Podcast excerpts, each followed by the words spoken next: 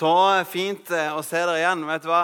Jeg er utrolig takknemlig for Touchpoint og for dette fellesskapet her. Og så betyr det faktisk veldig mye for meg. Og så håper jeg at du kjenner at dette fellesskapet betyr noe for deg også. Jeg kjenner Det er godt å være sammen med dere en ny torsdag her på Touchpoint. Mitt navn er Marius Hodne. Jeg jobber som studentpastor her. Og så eh, er det kanskje den beste jobben man kan ha. Altså. Det må jeg bare si. Og det handler om dere. Eh, det er fint å være her igjen. Eh, jeg fortalte for eh, ja, litt mer enn to uker siden, men sist gang jeg talte om Gud har et navn, så, så sa jeg at eh, nå har jeg vært gift med min kone Marte i fem år. Og det har vært en fin reise. Så jeg har lært masse. Og jeg sa at jeg har lært liksom, blant annet, at en kopp er ikke bare en kopp. En kopp er liksom ikke bare noe du drikker, men det handler om følelser, det handler om rommet, det handler om stemning osv. Jeg har lært at jeg ikke har peiling på farger. Eh, og så sa jeg bl.a. at jeg har lært at uh, i det rommet jeg ser, som vi puster opp i kjelleren, så ser jeg det hadde vært deilig med et sånn uinnreda United-tempel der inne. mens ville ha et walk-in closet. Og så sa jeg Og i går ble jeg kjefta i senk fordi at når United skåret på overtid, så vekka jeg alle ungene hjemme i huset. Og vet du hva? Jeg tror vi begynner å tale oftere. For i går så snudde United det en gang til, og så vekka jeg ungene på overtid. Og så jeg må betale enda oftere.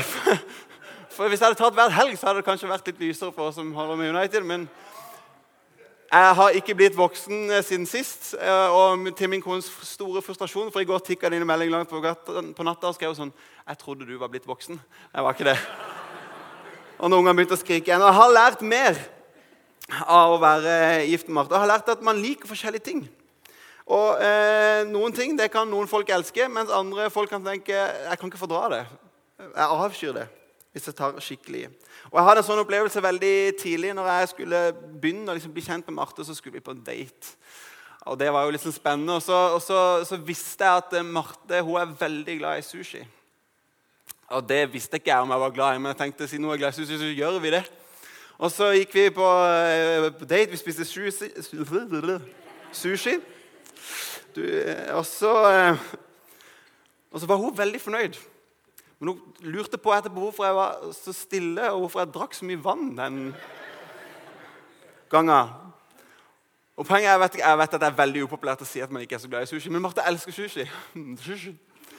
Men hos meg så vekker det nesten litt sånn Jeg vet ikke om avsky er riktig ord. men jeg drakk veldig mye vann den kvelden. Hvorfor? Jo, fordi at jeg måtte bare, i det jeg fikk inn en bit, så var det ett glass vann, så du bare får det ned, og så det ikke kommer opp igjen. Så det holder seg der nede. Og så ser jeg at Marte hun liker noen ting, mens andre ting sånn, det, hun liker det, det kan vekke avsky meg. Og i dag så skal vi eh, ta en titt på et lite bibelvers som noen av dere kommer til å like. Mens andre dere, hvis dere skal være helt ærlige, så vekker det litt avsky. dere. Og så skal vi prøve å se på det. Det blir jo spennende. Men før det så jeg har jeg lyst til å si noe om denne taleserien her. Fordi vi er en talelse som heter 'Gud har et navn'. Og vi eh, tror at dette her er utrolig viktig. Og Vi snakker egentlig litt ut fra en bok som heter eh, 'God Has a Name'.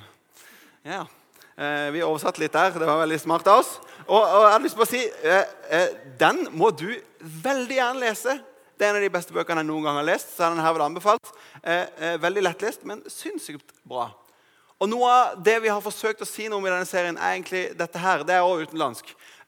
What comes to your mind when you think about God is the most important thing about you. Altså, Det du tror om Gud, det er noe av det viktigste om deg.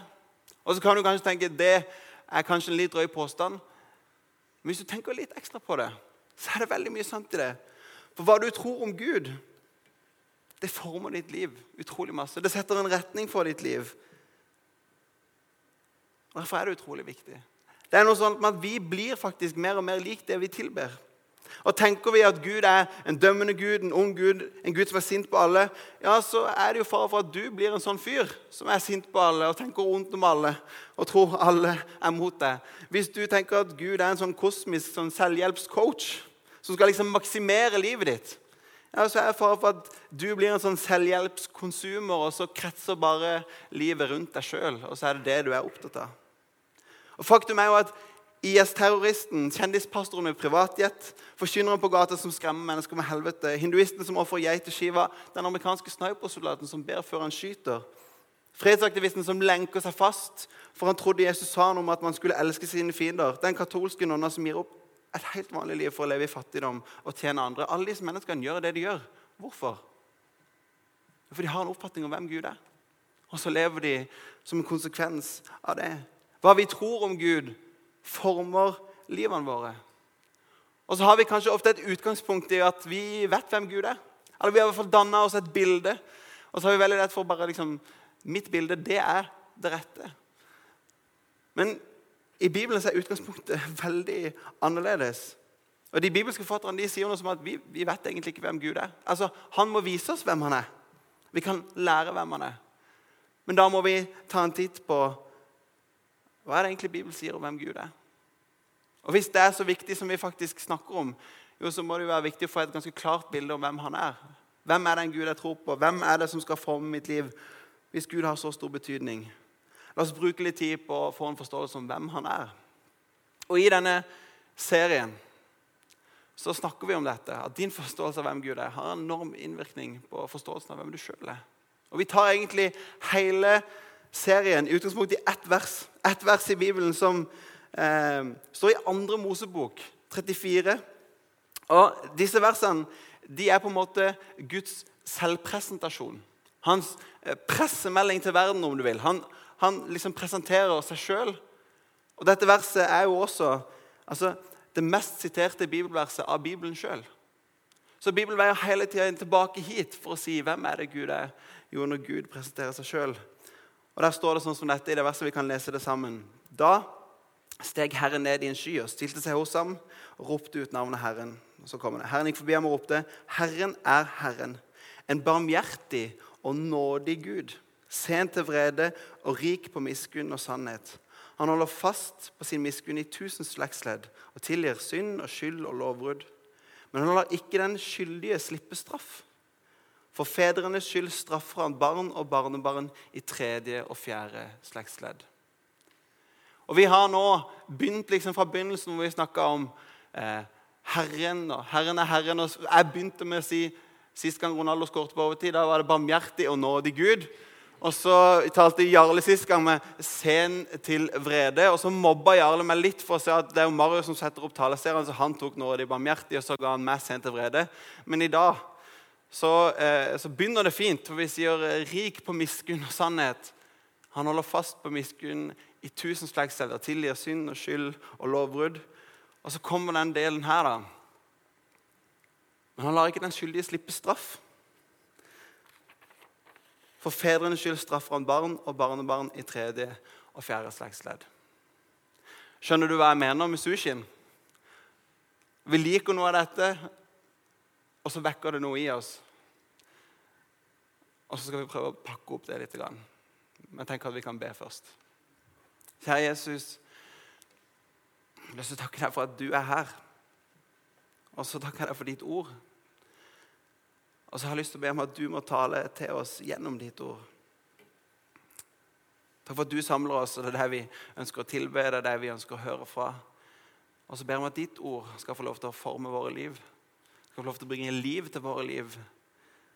At du taler til oss og møter oss akkurat der vi er i dag. I Jesu navn. Amen. Um, vi har akkurat lest det mest siterte bibelverset av Bibelen sjøl.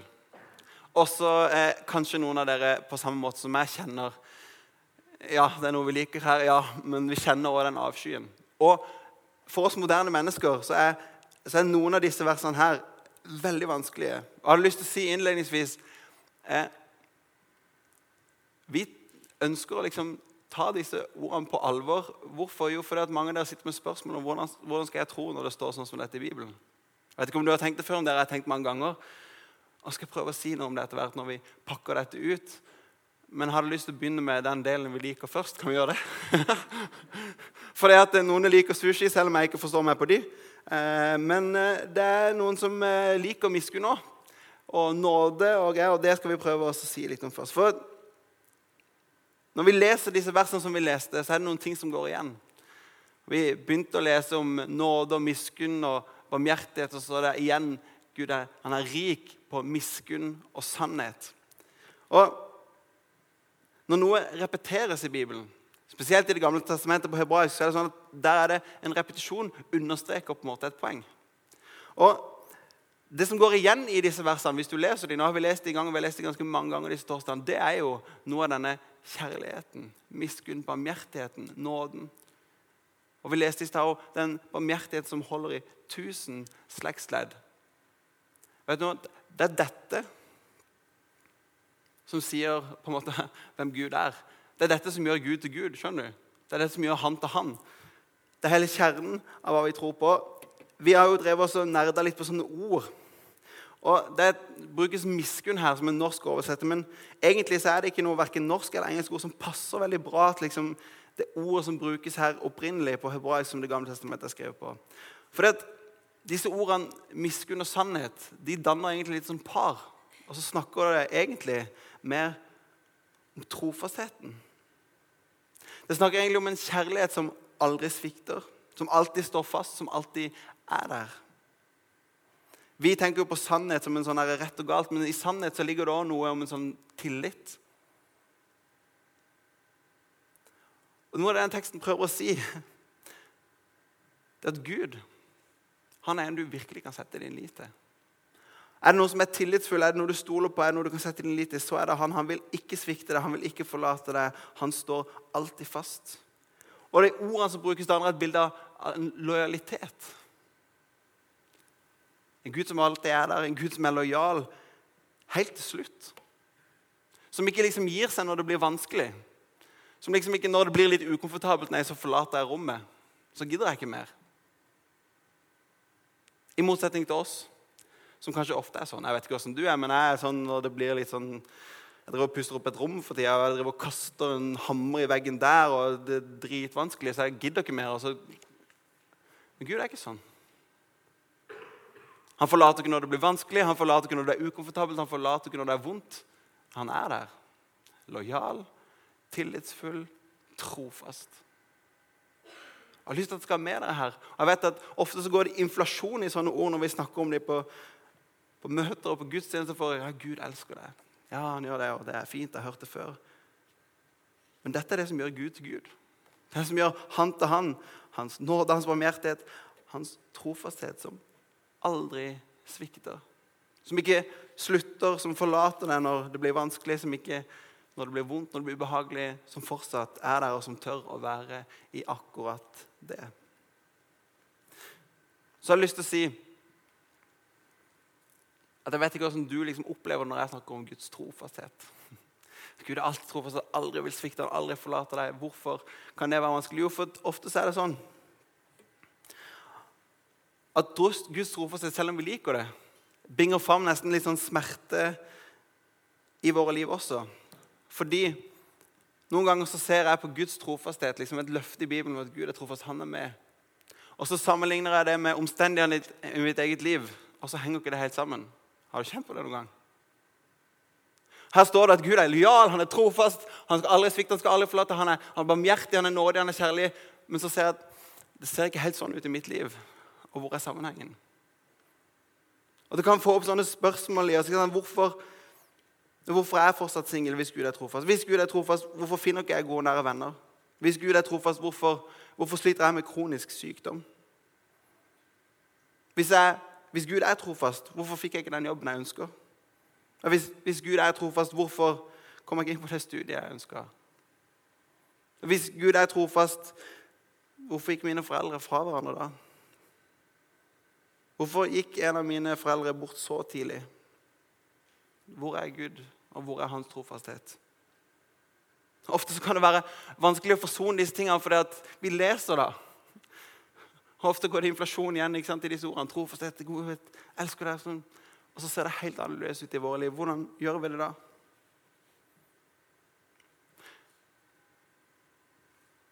Bibelen maler dette bildet på mange forskjellige måter. Jeg sa at Disse ordene som vi leste, de er noen av de mest siterte i hele Bibelen. Vi finner det over 100 ganger i bare Det gamle testamentet. Vi kan lese ett av versene. og det står Jeg vil synge om Herrens miskunn. Fra slekt til slekt vil hans trofasthet. Hans trofasthet er grunnfesta i himmelen. Det er store ord. Men hva når det ikke ser sånn ut i mitt liv? Paulus han skrev til Timoteus, en ung kristen leder er vi troløse, ja, så er Gud trofast. For han kan ikke fornekte seg sjøl. Paulus han, han, drar jo linjene tilbake til de versene vi akkurat leser, fordi han sier Gud er trofast. Det er sånn han er. Han kan ikke gjøre noe, han kan ikke fornekte seg sjøl. For han sa jo i sin selvprestasjon det er trofast det. Og så kan jeg noen ganger lure på hvor blir den trofastheten av? Hvordan ser det ut? Og så skriver Paulus til Timoteus. Hvis det var én fyr som kunne liksom avskrive Guds trofasthet, så var det jo nettopp Paulus. Jeg vet ikke hvor mye du har lest om Paulus, men Paulus har noen vers som er bare sånn ja, Han oppsummerer livet sitt på en fantastisk måte. Se nå.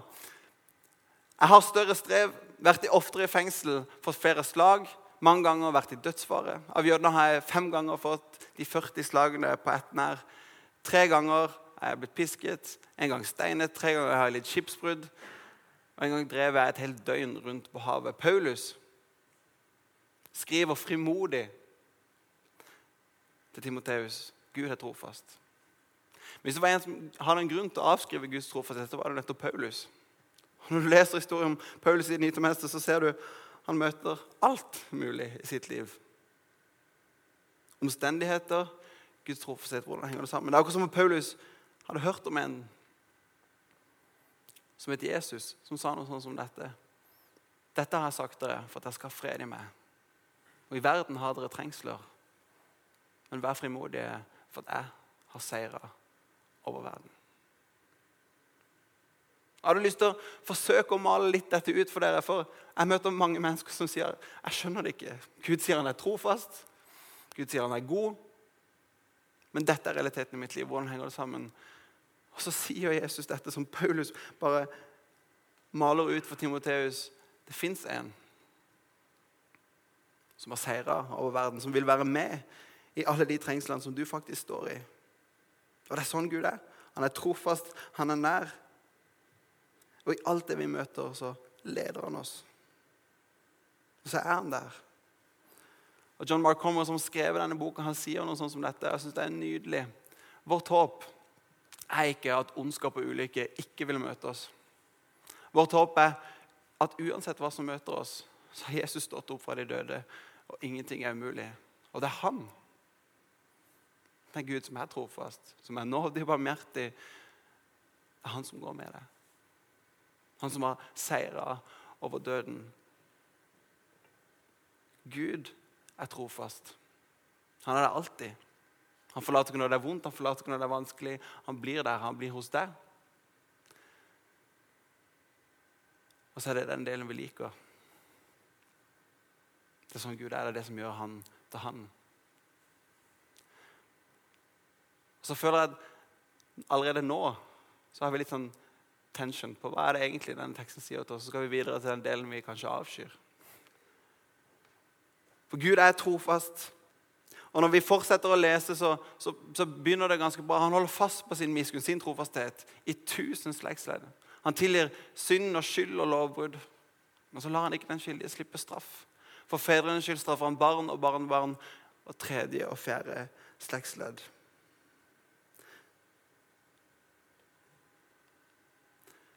Jeg vet ikke hva du gjør når du leser sånn i Bibelen. Jeg vet ikke om du noen gang har lest, og så kommer det et vers, og tenker du dette her, det er helt Hva skal jeg tenke om dette? For meg kan det ofte være sånn som moderne mennesker så vekker det noe i oss når vi leser denne teksten. der. For meg vekker det litt sånn avsky. Gud, hva skal jeg gjøre med dette? Dette kan ikke jeg tro på. Hvordan skal jeg plassere dette? Hvordan skal jeg få det til å stemme over med, med alt det andre som du sier? Jo, men denne kjærligheten og denne trofastheten. Hvordan stemmer dette overens? Og Mange forlater sin tro fordi at de får ikke dette til å gå opp. Hvordan skal det se ut? Hva skal jeg tenke om disse versene? Og Jeg hadde lyst til å si aller, aller først Jeg har lyst til å utfordre deg til ikke bare plukke og mikse det du vil når du leser i Bibelen. Vi er jo på en måte Jesus etterfølger når vi tror på ham. Og Jesus han tok Bibelen på stor alvor. Han tok Skriften på stor alvor. Og så utfordrer han oss til å gjøre det samme. Og så Når vi sier at Jesus han er, han er, herre i mitt liv, jeg tror på han, jo, så er på en måte Bibelen rettesnora for mitt liv. Hele Bibelen. er på en måte en autoritet. Det skal prege mitt liv. Og så dukker det opp sånne vers som dette. Hva gjør jeg da for noe? Kan jeg plukke det jeg synes er veldig fint? Jeg plukker de, de første versene fra en tekst vi leser, og så lar jeg det andre ligge det skyver under teppet. Eller er det sånn at nå da kan ikke det andre stemme? Hvordan skal jeg plassere det? Har jeg, lyst til å utfordre dere at på Touchpoint har vi ikke lyst til å hoppe over disse spørsmålene. Vi har lyst til å ta dem, for jeg vet at dere møter det. Og så hopper vi ikke over det, driver og plukker og mikser. Nei, vi, når vi møter sånn, så stiller vi spørsmål. Så undersøker vi, så studerer vi, og så kjemper vi litt med det. Hva betyr det egentlig? Og selv når jeg til og med kanskje er litt uenig, for det er noen ganger Hvordan, hvordan er det mulig, Gud? Så forhåpentligvis kan vi komme til et punkt hvor jeg kan si ja til det. Hvorfor? Fordi at Jesus er min Herre. Og så blir det kanskje noen provosert av det jeg sier nå også. Noen leser Skriften annerledes og plukker og mikser. og Så sitter du igjen med en Gud som du egentlig har lagd sjøl. Det er jo det som skjer. Jeg vet ikke hva du tenker når du hører disse ordene. Kan, kan, dette, kan dette, henge sammen med den kristne Gud? Dette er jo favorittord hvis du leser en sånn ateistisk blogg som skal prøve å kritisere kristen, kristendom.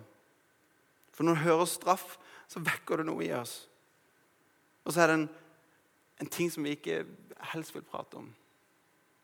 Men jeg kan faktisk si, litt sånn på forhånd, hvis du syns det ble litt mye nå, så kan jeg si at denne delen her med Gud, den er faktisk oppriktig god. Det er en utrolig bra greie. Forhåpentligvis skal vi prøve å åpne opp så dere skjønner hva jeg mener med det.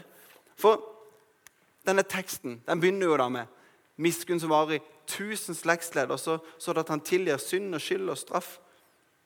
Og ideen her, når han nevner alle disse tre ordene, er at det fins ingen grenser for den nåden og den trofastheten som ligger der. Det fins ingen grenser. Det er på en måte ikke noe tak. Og Du bruker tre ord for å gjenta noe av det samme og understreke. Her er det ingen grenser. Vi snakka om det sist jeg talte.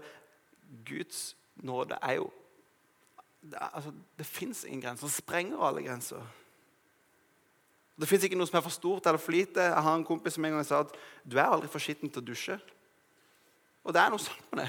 For når du kommer til Gud, så er det ikke noe som gjør som avskriver det. Alt her ligger åpent. Det er ikke noe tak på det. Og så går det videre fra å si at Gud han tilgir synd og skyld og straff.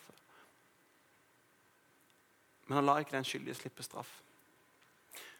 Og På mange måter så er det to ting som går litt sammen her. Du har trofastheten, Guds nåde, kjærligheten. Og så har du rettferdigheten. Jeg kan ikke la den skyldige slippe straff. Jeg vet ikke med dere, men når jeg ser på nyhetene, så kan det være ganske sånn bedrøvelig. Når jeg ser om verdenskrig, om konflikter i fremmede land, når jeg ser om terrorisme, når jeg ser mennesker som blir undertrykt, når jeg ser at mennesker blir mishandla, når jeg ser at mennesker blir solgt, så vekker det noe av denne avskyen i meg da òg. Og så sier jeg Kan ikke noen være skal jeg bare gjøre noe med det? Det er så utrolig urettferdig. Kan ikke noen gripe inn? Vær så snill. Og Poenget mitt er at vi lengter etter rettferdighet. Vi gjør det. Vi, vi lengter det fra dypet av vårt indre når vi ser sånne ting.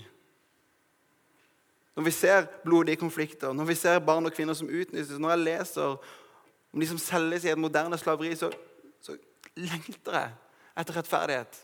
At hun skal gripe inn. Og Guds endelige mål i denne verden er jo en verden uten ondskap. Det er det Gud jobber for hele veien. Det er det hans rettferdighet handler om. En verden uten ondskap. Det er oppgjør med ondskap. Det er det Gud vi tror på. Og som etterfølger Jesus skal du få lov til å oppleve det en dag. For en dag så skal Jesus komme igjen og skal ta et oppgjør. Da skal på en måte dommeren dømme, og ondskap skal utslettes. Det er en del av evangeliet vi tror på. For et håp! En verden uten ondskap. Hvorfor er det bra? Jo, for at Gud er rettferdig. Men når Gud er rettferdig, som er en veldig god ting, for vi lengter etter rettferdighet, kan noen gripe inn i den situasjonen, kan jeg tenke så betyr jo det at da kan ikke bare Gud la den skyldige slippe straff. Jeg vet ikke om du har tenkt på det noen gang, men, men at, at, Guds rettferdighet er en god ting. Når vi leser denne teksten, så, så stiller det oss mange spørsmål. Vi liksom skal Skal barna straffes for Du leste det der med barn, ikke sant? Skal barna straffes for fedrenes skyld? Skal... Og Det kan ikke være det teksten mener, for Moses sier rett etterpå et senere i Mosebøkene enhver skal dø for sin egen synd. Det er ikke noen straff fra, fra, til barna fra barnebarna. Det er ikke Gud som liksom kjører på og straffer i villen sky. Nei, det er ikke det han sier det helt tatt. Men hva er det det handler om? Guds endelige mål en verden uten ondskap. Denne teksten har egentlig tre lag. når vi leser den. Nå skal dere få en litt sånn læregreie med. Fordi at Vi leser disse versene. Han lar ikke den skyldige slippe straff. For fedrenes skyld straffer han barn, og barn var en tredje fjerde slekt. Hvordan skal vi forstå det? Og egentlig så er det tre ting som dukker opp her, som jeg skal ta kjapt før jeg skal prøve å gi en enda bedre forklaring etterpå. Men første laget av denne teksten det vi leste, det er at foreldrenes synd har konsekvenser for barna. La meg prøve å forklare det. Og dette er ganske intuitivt.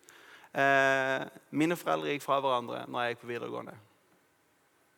Det har store konsekvenser for mitt liv.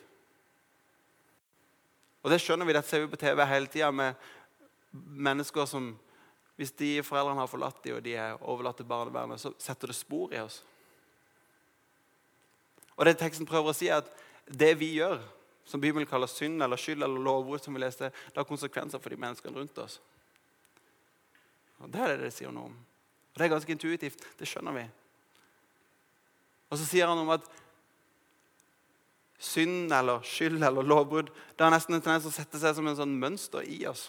Jeg vet ikke om du har hørt et utsagn som sier sånn 'som fars og sønn'. Ja, det snakker vi om. Det er en vanlig greie. Og så har det som mine foreldre sleit med, det har en tendens til å liksom bli min historie også. Og så fortsetter det hos meg.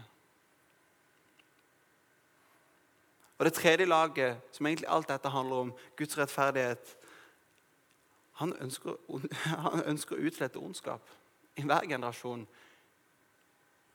Det som ligger i meg, det ønsker Gud å ta et oppgjør med. Hvorfor? Jo, fordi det skader for de rundt meg.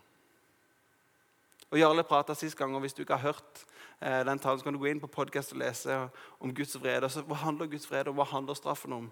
Jo, Det handler om en Gud som elsker mennesker, det han har skapt, over alt annet.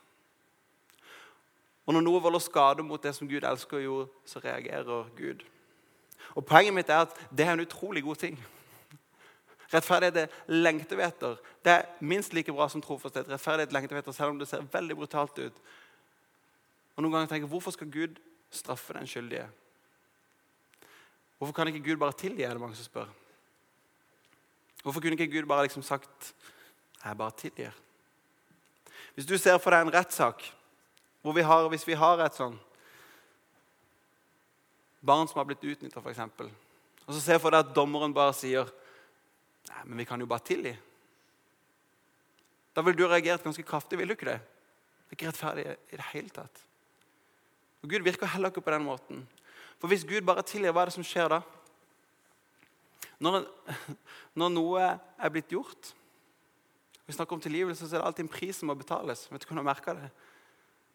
Hvis noen gjør noe mot deg, så er det nesten sånn at det føles som om den, den skylder deg noe. Den prisen må betales. Hvis Gud bare tilgir, hvem er det som betaler prisen da? Jo, det er jo offeret. Prisen for handlinger som er begått, er det offeret som må betale. Og Gud elsker mennesker. Gud elsker den han. Han kan ikke la offeret betale en pris. Derfor kan ikke Gud bare tilgi. For den prisen må betales. Det er en pris som ligger der. Noen må ta den. Og hvem skal betale den prisen?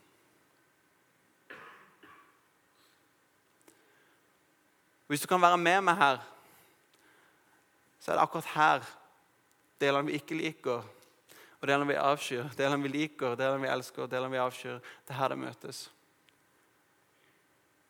For på et kors for litt over 2000 år siden så møtes Guds trofasthet, hans kjærlighet, og så møtes hans rettferdighet samtidig. For at Gud kan ikke bare tilgi, for da er det offeret som betaler prisen. Men noen må betale prisen på en eller annen måte.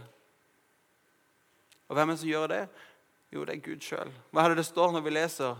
I ham er vi kjøpt fri. og får tilgivelse for syndene. Les videre. Men ufortjent og Hans nåde blir kjent rettferdige, frikjøpt i Kristus Jesus. Dette er de gode nyhetene, hvor alt møtes, hvor, hvor, hvor kjærligheten, hvor nåden, hvor straffen, vreden møtes. For disse bibelversene de stiller på en måte overfor en ligning. Hvordan kan, hvordan kan dette henge sammen? Gud straffer barn og barnebarn, og, og han er kjærlig og barmhjertig og tilgir synd og skyld. Hvordan henger dette sammen? Og for Moses, som fikk liksom denne selvprestasjonen, han kan jo ikke ha skjønt så veldig mye av det. For det er en ligning som ikke ser ut til å gå opp. Og for mange så går han fortsatt ikke opp i dag. Hvordan kan det henge sammen? Hvordan kan det være sånn at Gud er nådig, men samtidig straffer? Kjærlighet og rettferdighet, hvordan henger det sammen? Og Det er vanskelig å forstå den fulle sammenhengen. Og Moses, når det ble presentert, forsto ikke den fulle sammenhengen. For på det punktet i historien så var det kanskje ikke noe sammenheng heller. Ligninga går ikke opp, men ligninga får sitt svar 2000 år senere, når Jesus henger på korset hvor, hvor nåden møter rettferdigheten. På hvordan måte da?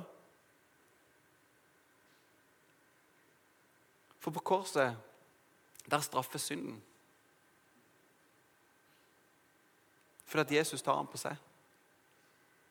Og på korset så gjør tilgivelse, blir tilgivelse mulig hvorfor det fordi Jesus ga sitt liv. Det var han som betalte prisen. Det er ikke offeret som betaler prisen, det er ikke den skyldige som betaler prisen, men det er Jesus som betaler prisen. Og på dette punktet i historien, ved Jesu døde oppstandelse, så faller alt på plass. Her er det punktet hvor det faller på plass. Og vet du noe? På dette punktet i historien da faller alt på plass i vårt liv òg. For korset løser problemet. Det var en Gud som ga alt for meg. Og I mitt hode er det helt naturlig å gi alt tilbake til han. Korset løser problemet, og her får jeg tilgang på den nåden. Her blir jeg kjøpt fri. Jeg får tilgang på den nåden og kjærligheten som forvandler mitt liv. Rett før jeg talte, så sang vi en sang sammen. Og Der sang vi 'Straffen som var min'. Betalte du på korset med ditt liv. Så ufortjent. Seieren er står ved kongens dype sår. Jeg er uendelig takknemlig. For der møtes nåden og straffen, og så er det vi som går fri. Det er vi som går fri. Og jeg aner ikke hvordan dette lander hos deg. På en måte er det ganske heavy greier vi driver og snakker om. Men jeg håper at du kan se at kanskje det er et svar på noen av de spørsmålene du har. Når folk eh, kaster disse versene i ansiktet ditt og liksom prøver å si at du kan ikke tro på denne Gud, jo, det har du faktisk veldig god grunn til å gjøre. For Gud er en Gud som er trofast, som er nådig, som aldri svikter, som aldri forlater, som ikke stikker av og beiler når det blir vanskelig. Han er der for deg, og han elsker deg. Og Han er ikke bare en billig Gud og enkel Gud, men han er en rettferdig Gud. Han tar oppgjør med det vonde vi lovte å møte. Takk Gud for at det fins rettferdighet. Og noen som faktisk har tenkt å gripe inn. Og så møtes disse to på korset, hvor alt faller på plass. Og da faller det på plass i mitt liv òg. Og så vet jeg ikke hvordan det lander for deg. Kanskje sliter du med å se Guds trofasthet i ditt liv. For det at du sammenligner løftene om trofasthet med omstendighetene i ditt liv, og så går ikke det opp. Kanskje sliter du med dette med straff. Kanskje sliter du med å få å gå opp, syns det er vanskelig å tro på en Gud i det hele tatt. Eller sitter du og er utrolig takknemlig for at Gud ikke bare tilgir og lot offeret betale prisen, men at han selv betalte prisen ved å dø på korset. Og vet du hva? Den nåden og den kjærligheten den forandrer mitt liv, og den kan få lov til å forandre ditt liv også. Seieren der jeg står ved kongens dype sår. Så ufortjent er det, og så fantastisk er det samtidig. Etterpå nå så, eh, under lovsangen blir det åpent i bønnerommet der inne. Så hvis du har lyst til å bli bedt for, så er det mulighet til å komme dit. Om du trenger noen å snakke med, så er vi noen der som har lyst til å prate med deg. Og så skal vi gå inn i lovsang nå. Jeg har lyst til å si Det fins et punkt her på et kors for 2000 år siden hvor ting faller på plass. Og Kanskje trenger du at det faller på plass i ditt liv også. Og si for første gang liksom, Jesus, dette gir kanskje litt mening. Kanskje du er en Gud som jeg faktisk ønsker å ha noe med å gjøre. Kanskje du er en Gud som jeg ønsker å si ja til. Jesus, kanskje du kan få lov til å få plass i mitt liv. Jeg har lyst til å utfordre deg under lovsangen. og Hvis det er det, så kan du be til Jesus. Jesus, jeg, jeg ønsker å tro på deg. Jeg ønsker å følge deg. For dette ønsker jeg å ha tak på. Den kjærligheten, den nåden, den trofastheten du har for meg. Det ønsker jeg å ta imot. La oss be. Herre Jesus, jeg har lyst til å takke deg for at du er så uendelig god. Jeg har lyst til å takke deg for din enorme kjærlighet.